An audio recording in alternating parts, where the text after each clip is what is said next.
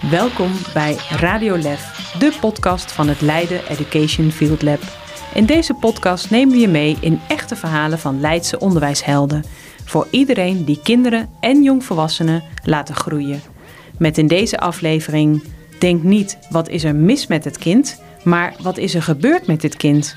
Een meisje uit een eh, justitiële jeugdinrichting die vertelde een keer tegen mij, die een jaar lang in een isoleercel zat, was er maar iemand langsgekomen die een arm om me heen had geslagen en tegen me gezegd had dat het wel goed zou komen. Dat maakt ons nieuwsgierig en daarom gaan we in gesprek met Peer van de Helm, lector residentiële jeugdzorg, Hogeschool Leiden en hoogleraar zorg en onderwijs bij de UvA. En Juliette Sonderman, werkzaam in Enver Jeugdzorg en is wetenschapper en docent Hogeschool Leiden. Ze is ook recentelijk gepromoveerd op het onderzoek in de gesloten residentiële jeugdzorg. Mijn naam is Sanne van der Linden. En ik ben Jeroen Swillens. En dit is Radio Lef. Welkom in de podcast eh, van Radio Lef. Peer, waarom moest het lectoraat residentiële jeugdzorg er komen? Dat heeft een eh, lange geschiedenis die uh, Juliette ook heeft meegemaakt. Mhm. En dan gaan we terug naar 2007 toen de toenmalige inspecties en rekenkamer spraken van hellholes in de jeugdzorg. Nou, als ze die term gebruiken, dan is er echt iets mis. En Juliette kan er wel iets over vertellen. Nou en of, in de baan die ik, uh, voordat ik hier uh, bij de Hogeschool Leiden kwam, uh, werkte. Toen was ik pedagogisch directeur van een justitiële jeugdinrichting, jeugdgevangenissen, populair gezet. En daar sloten we toen nog jongeren op die delicten hadden gepleegd en daarvoor gestraft werden. Samen met uh, kinderen die opgesloten moesten worden voor hun eigen veiligheid of om ze te beschermen tegen de boze buitenwereld. En dan moet je je voorstellen dat bijvoorbeeld daders van mensenhandel, prostitutie van meisjes, zaten opgesloten bij meisjes die daarvan slachtoffer waren. Um, daar waren ouders het niet erg mee eens. Toen werden die twee groepen gescheiden van elkaar en er werd een gesloten jeugdzorg gemaakt. Maar wat ik daar tegenkwam, jongens, jongens, het bloed droop echt van de muren. Ik was echt uh, geschokt en ik was blij dat ik het niet meer hoefde te doen. Ik dacht, ik ga even bijkomen bij de hogeschool en daar ontmoet ik Peer. Voor mij uh, als leek, ik, ik, ik, toen ik hier met, met dit onderwerp in aanraking kwam, toen leerde ik dat we het hebben over in de jeugdzorg over kinderen met ernstige problematiek.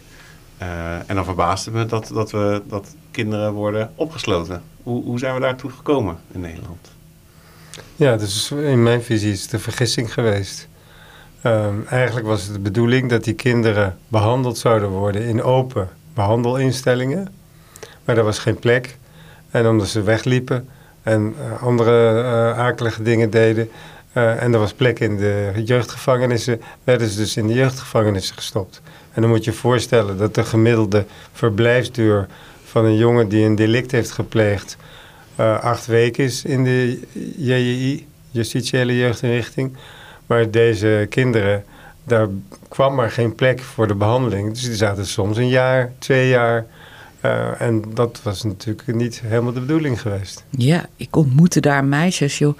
Uh, ja, ze gingen mijn voorstellingsvermogen tot dan toe ver te boven. Um, een meisje ontmoette ik die plofte de hele tijd uh, op de grond. En als ze dat niet deed, dan was ze zich aan het opensnijden.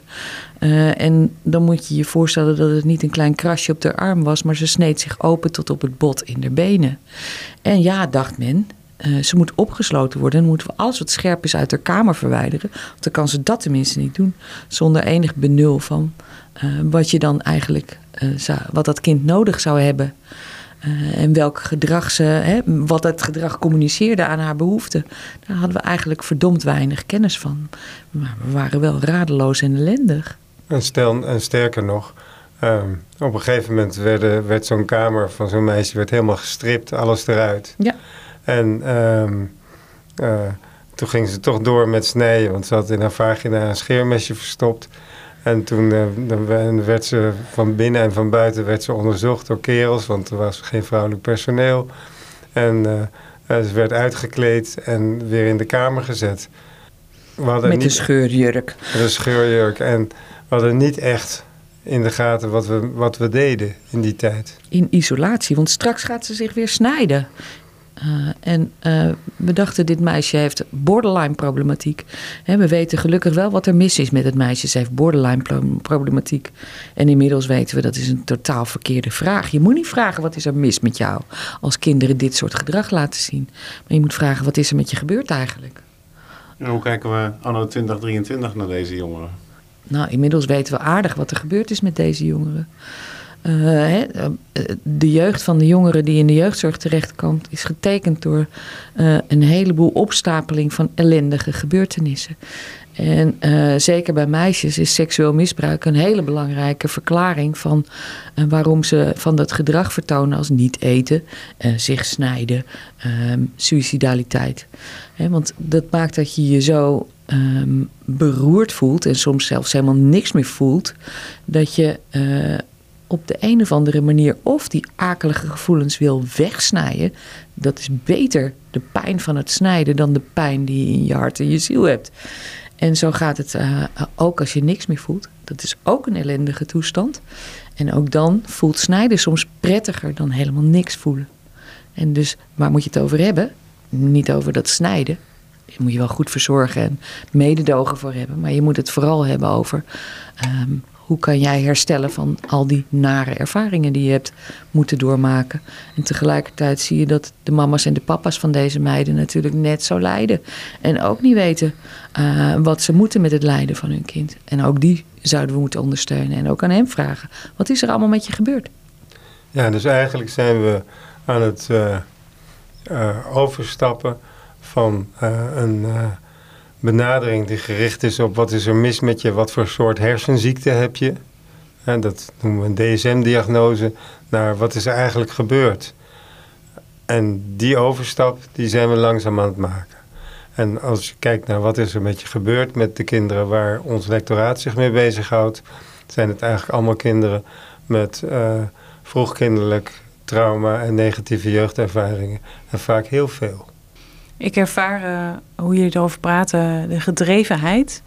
Uh, Peer, waarom doe jij dit werk? Nou, in de eerste plaats nieuwsgierigheid. En want ik zie gewoon dat het niet goed gaat.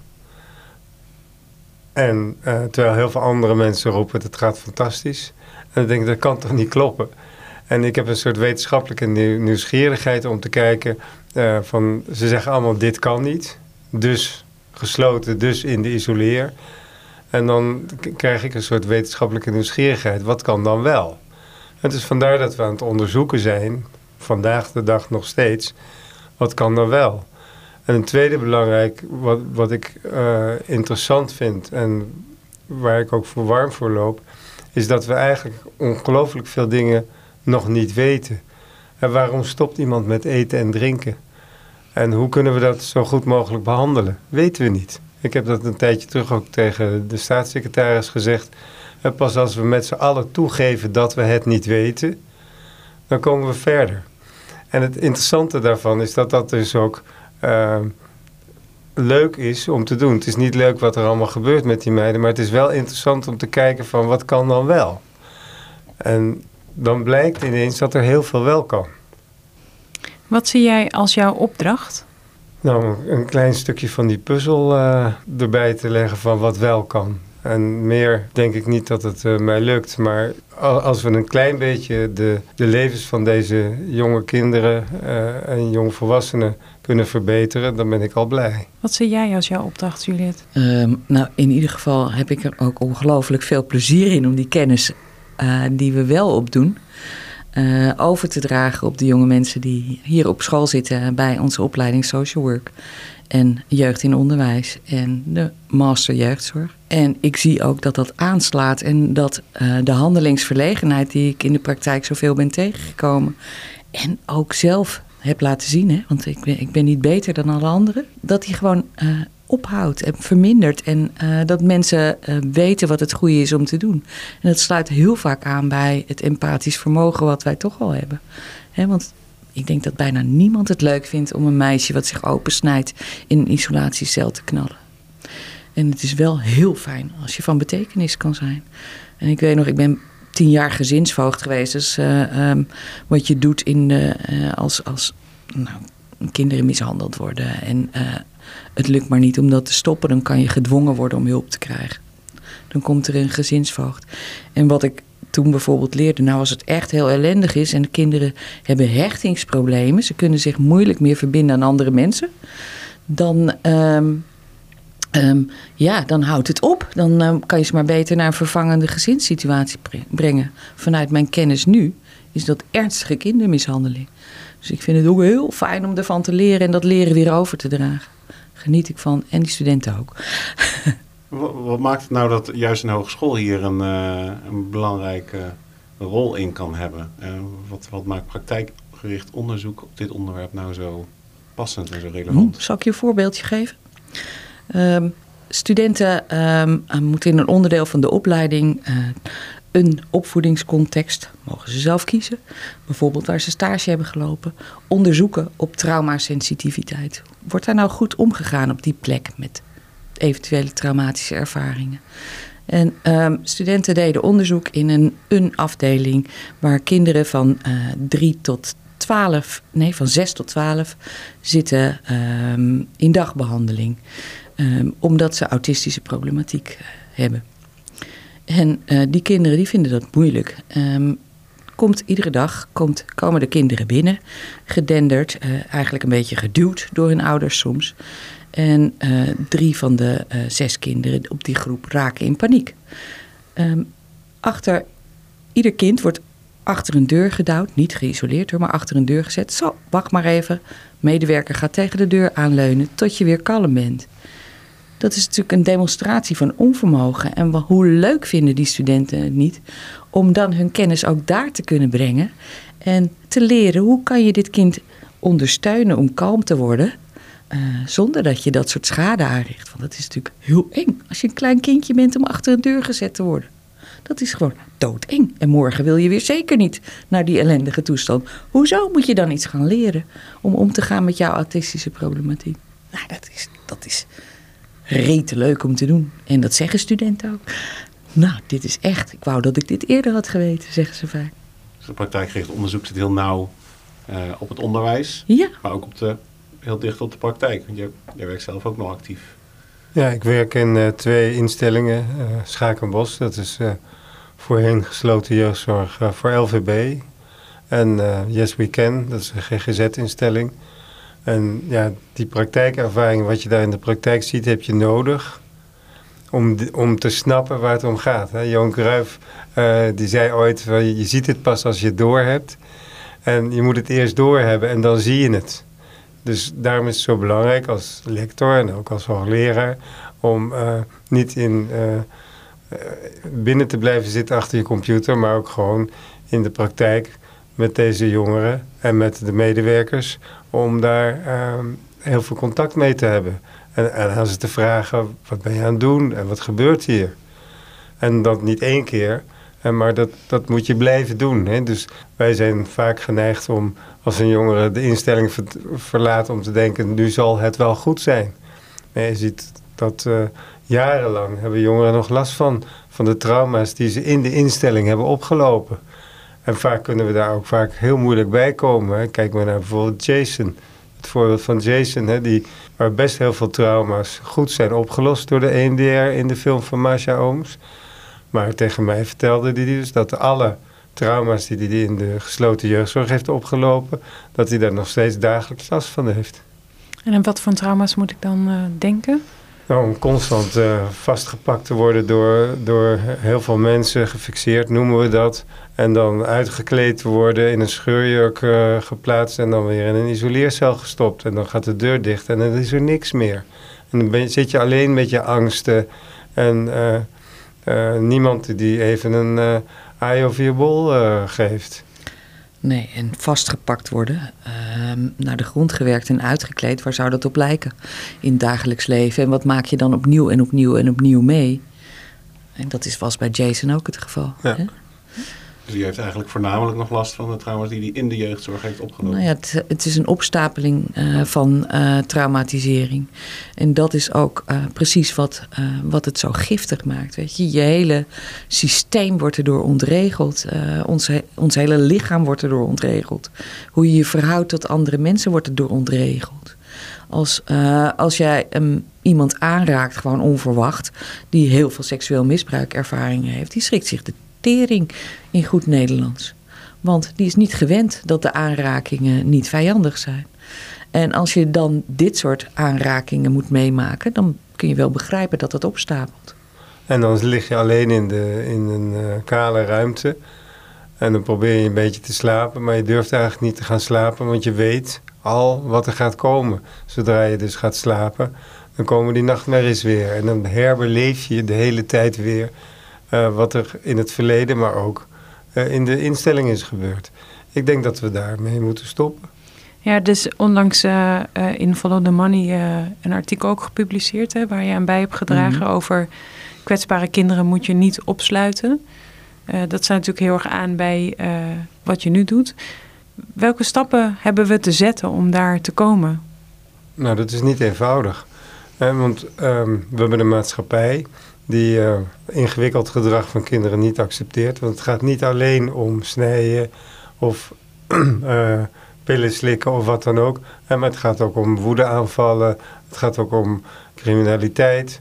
We weten inmiddels dat die, die beide naar binnen gerichte en naar buiten gerichte gedragingen allebei een vorm van traumagedrag zijn en pijn uit het verleden. Dus het is niet zo makkelijk om dan te zeggen van uh, uh, we gaan het anders doen. En want de maatschappij zegt opsluiten, dan zijn ze veilig en dan zijn wij veilig. Ja, en dan in één keer gaat er bij een van die instellingen het hek kapot. Dat vind ik zo'n bijzonder voorbeeld. Ja, kan je dat, dat eens vertellen? Dat is wel een mooi verhaal, ja. Schakenbos verhaal, hè? Ja, ja. ja. dat is al... Schakenbos is dus zo'n gesloten instelling. En uh, in, twee jaar geleden in de zomer, uh, hartje zomer, ging ineens het hek stuk.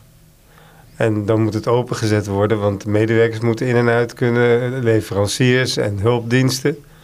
Dus wij zaten allemaal met samengeknepen billen van, oh jee, straks rennen ze met z'n allen naar buiten.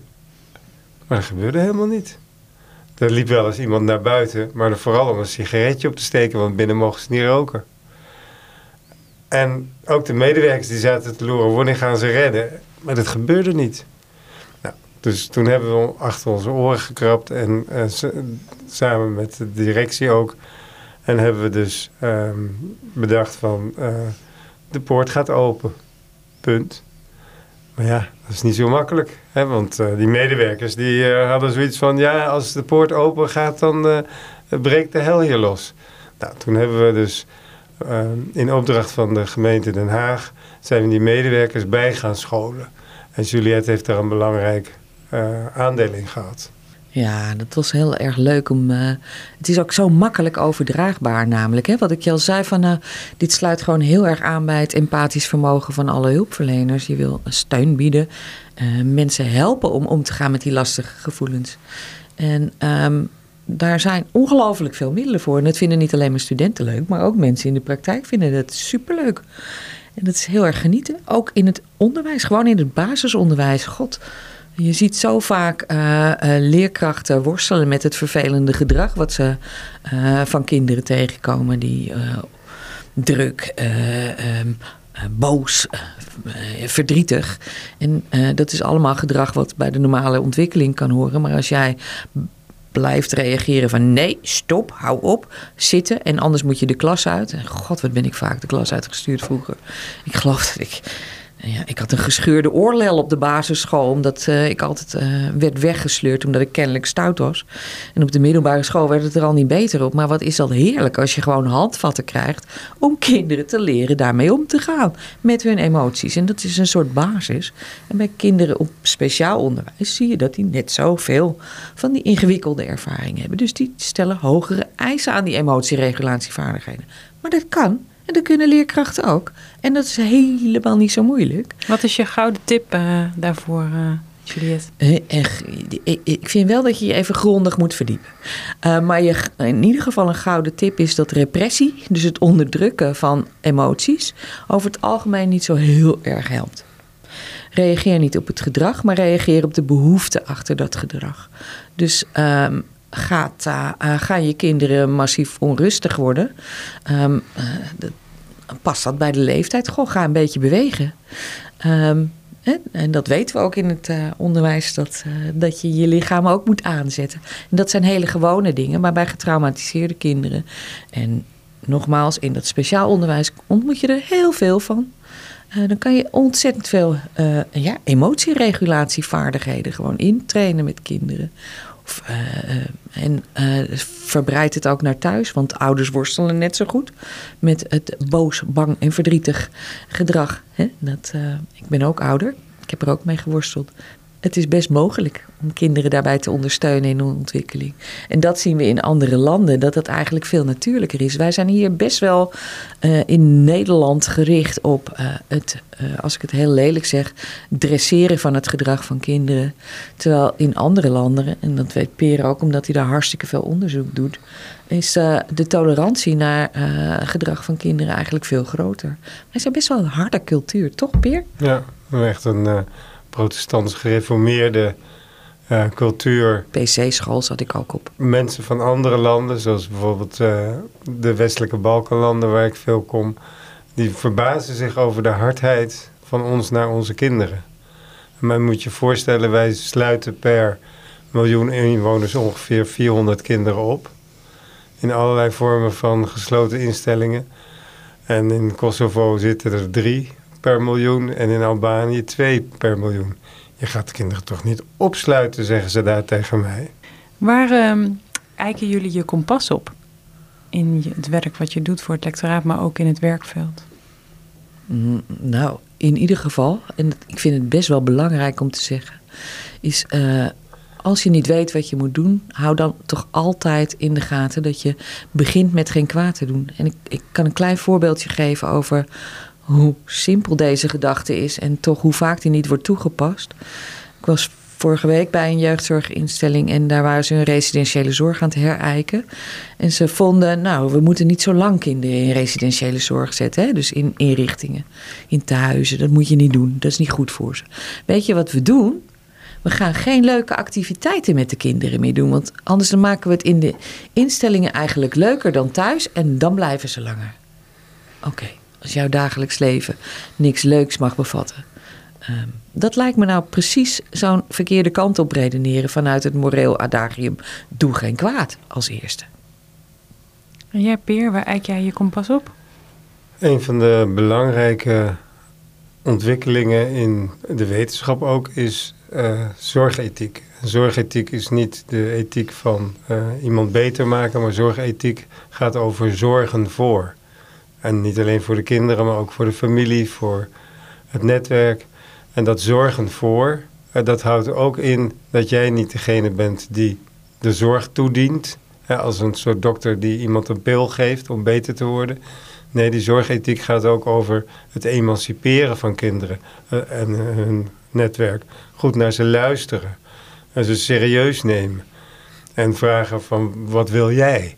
Nou, dat is een gouden vraag. En uh, Jim van Os die heeft al jaren geleden uh, heeft hij dat geformuleerd in vier vragen. Uh, briljante vragen. Absoluut. De eerste vraag is: wat is er met je gebeurd?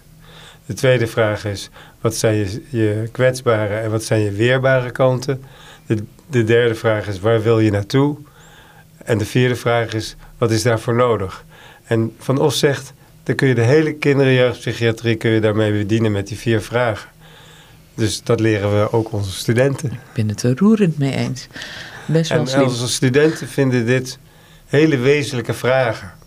Hè, omdat ze dat herkennen. Vanuit hun stage, vanuit hun uh, beroepsopvattingen. En studenten worden daar blij van als je daarmee kan werken. In plaats van een DSM-diagnose die gesteld wordt door een uh, superspecialist als een psychiater of een GZ-psycholoog. Wat lonkt aan de horizon? nou, voor mij uh, dat we minder hard worden naar onze kinderen en beter naar ze leren luisteren. Ja. Het woord liefde, dat mocht ik nooit uitspreken hoor. Maar ik denk dat uh, dat, dat wel een, uh, een fijn houdingsaspect is. Laten we met liefde kijken naar de mensen die onze hulp nodig hebben. Een meisje uit een justitiële jeugdinrichting die vertelde een keer tegen mij die ja, een jaar lang in een isoleercel zat, was er maar iemand langsgekomen die een arm om me heen had geslagen en tegen me gezegd had dat het wel goed zou komen. Dan was het heel anders gelopen, zei ze. Mooi. Zo simpel kan het zijn. Nou ja, zo simpel is het natuurlijk niet. Hè? Ik bedoel, het is heerlijk om het zo even te brengen, maar het vereist best wel heel wat van die professionals om ook dag in dag uit al het boze, al het verdrietige, al het beschadigende gedrag ook te verdragen. Hè? En uh, je ziet natuurlijk ook dat. Uh, um, uh, en ik ben daar zelf ook ervaringsdeskundige in, dat veel van onze hulpverleners, en dat heeft ook weer met die hardheid te maken, um, zelf beschadigd raken. Uh, ik weet dat ik na die tien jaar gezinsvoogdijschap um, in mijn volgende baan uh, keihard ging huilen bij. Ook, was ook best, een hele erge toestand die ik moest meemaken. Maar ik kon alleen nog maar keihard huilen. Ja, um, dan kan je niet zo goed functioneren. En uh, we komen wel echt heel veel rottigheid tegen. Dus je moet ook heel erg goed voor jezelf leren zorgen. En dat mogen we in de opleiding ook echt stevig neerzetten. Hoe bereid je studenten daartoe voor? Um, ten eerste door het te benoemen dat het moet en mag. En zeker onze studenten social work zijn vaak ervaringsdeskundigen. Ik voerde onlangs, uh, um, heb ik uh, een module, heet dat dan, hè, een lespakketje gegeven over praten met kinderen over kindermishandeling. Mijn allereerste op, oefening echt, uh, die ik deed om te laten voelen wat de dreiging van huiselijk geweld betekent. Daar begon onmiddellijk mijn eerste student. Dit kan niet, dit kan niet. Nee, dit lijkt veel te veel op wat ik heb meegemaakt. En aan het eind van de module waren alle twaalf mijn uh, studenten open geweest over hun eigen, best wel heftige ervaringen. Dus ook hier weer geen simpel antwoord, maar het is wel heel belangrijk dat, dat vanuit de opleiding ook gerealiseerd wordt dat hier de drive ook van onze studenten zit. Maar dat we ze, die zelfzorg hebben ze zelf vaak ook niet zo heel erg goed geleerd. Die liefde, die uh, nou ja, een kompas is, uh, het serieus nemen, het bevragen. Uh, je hebt ook een heel mooi voorbeeld, hè, Peer, van een meisje ook in de Balkan. Kun je ons eens meenemen in dat verhaal? Ja, ik denk dat het acht jaar geleden of zeven jaar geleden was dat ik in de vrouwengevangenis in Kosovo iets vertelde aan vrouwen en één meisje. Ze hadden daar in het hele land zat er één meisje zat vast voor uh, medeplichtigheid aan moord. Dus ik vertelde die vrouw wat en ineens komt dat meisje, een tenger meisje, komt naar voren stappen en die, die onderbreekt mij. Dat is heel bijzonder in die cultuur om mannen te onderbreken, zeker vreemde mannen. En die uh, vroeg aan mij, mogen kinderen in de jeugdgevangenis in Nederland, mogen die ook studeren? Ik zeg van ja, nou, misschien in Nederland kan het. Het gebeurt niet vaak, maar het, kan en het mag. Nou, zegt ze, dat wil ik ook. Dus uh, toen zei ik van ja, ik wil wel eens gaan kijken of ik iets voor je kan doen. Maar ja, ik kan geen toezeggingen doen. Ja, ik ken het land niet, de taal niet. De, de, de, de, en ik wist helemaal niks van dat meisje af. Toen zei ze, ja, maar ik heb een VWO-diploma hier in de gevangenis gehaald. Dus dacht ik van, nou, dat is een lange straf. Dus toen ben ik met, uh, eerst met de directeur-generaal uh, gaan praten. En die wist van de casus af. En die zei van, uh, wat wil je dan? Nou, ik zeg van, ik zou graag, ze wil graag studeren. Dus ik zou graag dat jullie haar toestemming geven, verlof, één keer in de twee weken, om naar de universiteit te mogen gaan. Nou, zegt hij, dus een goed, goed plan. Uh, maar dan moet je twee andere jongens die daar ook zitten en die ook die studeerden toen ze werden opgepakt, moet je ook helpen. Ik zeg, dat is goed. Nou, dus toen uh, ben ik met een uh, professor van de, in social work in Pristina ben ik weer teruggegaan. Heeft zij een heel lang gesprek gehouden met het meisje. En, ik, en ze kwam terug, ja, het is een ontzettend slimme meid. Ik zeg ook, en wat wil ze studeren? Ja, ze zeggen, ze helpt hier al die jongens met het invullen van hun formulieren, want die kunnen niet lezen of schrijven. En ze wil rechten gaan studeren. Ik zeg, nou, dat klinkt mooi. Um, en dan moeten we wel geld voorzien te, te regelen. Nou, dus toen uh, hebben we een crowdfunding opgezet met uh, Nederland en Kosovo samen. Hebben we dus het geld voor de uh, studie hebben we bij elkaar gebracht. Maar toen bedacht ik, nou, dat is niks voor zo'n jonge meid. Weet je, in je eentje daar maar een beetje moeten zitten studeren in zo'n gevangenis. Dus toen hebben we een pas afgestudeerde student social work van de universiteit... hebben we bereid gevonden om haar te begeleiden. En dat was heel belangrijk, hè, want ze zat er alleen maar met oudere vrouwen vast. En ze had helemaal geen contact met leeftijdsgenootjes. Nou, die, die twee werden natuurlijk vriendinnen, hè, dus dat ging heel goed. En de eerste jaren ging het fantastisch, allemaal hele hoge cijfers. En, uh, en ze was zo blij dat ze één keer in de twee weken buiten de gevangenis mocht zijn. Uh, de eerste keer dat ze naar, naar buiten kwam, uh, appte ze mij... Best day of my life ever. en, dus dat ging heel goed. En um, toen op een gegeven moment... toen merkte ik dat het minder met haar ging. Haar cijfers die gingen wat naar beneden en als we dan daar waren en dan hadden we een gesprekje, dan merkte je dat ze dus minder gemotiveerd was. Dus ik, zei, ik vroeg van wat is er aan de hand?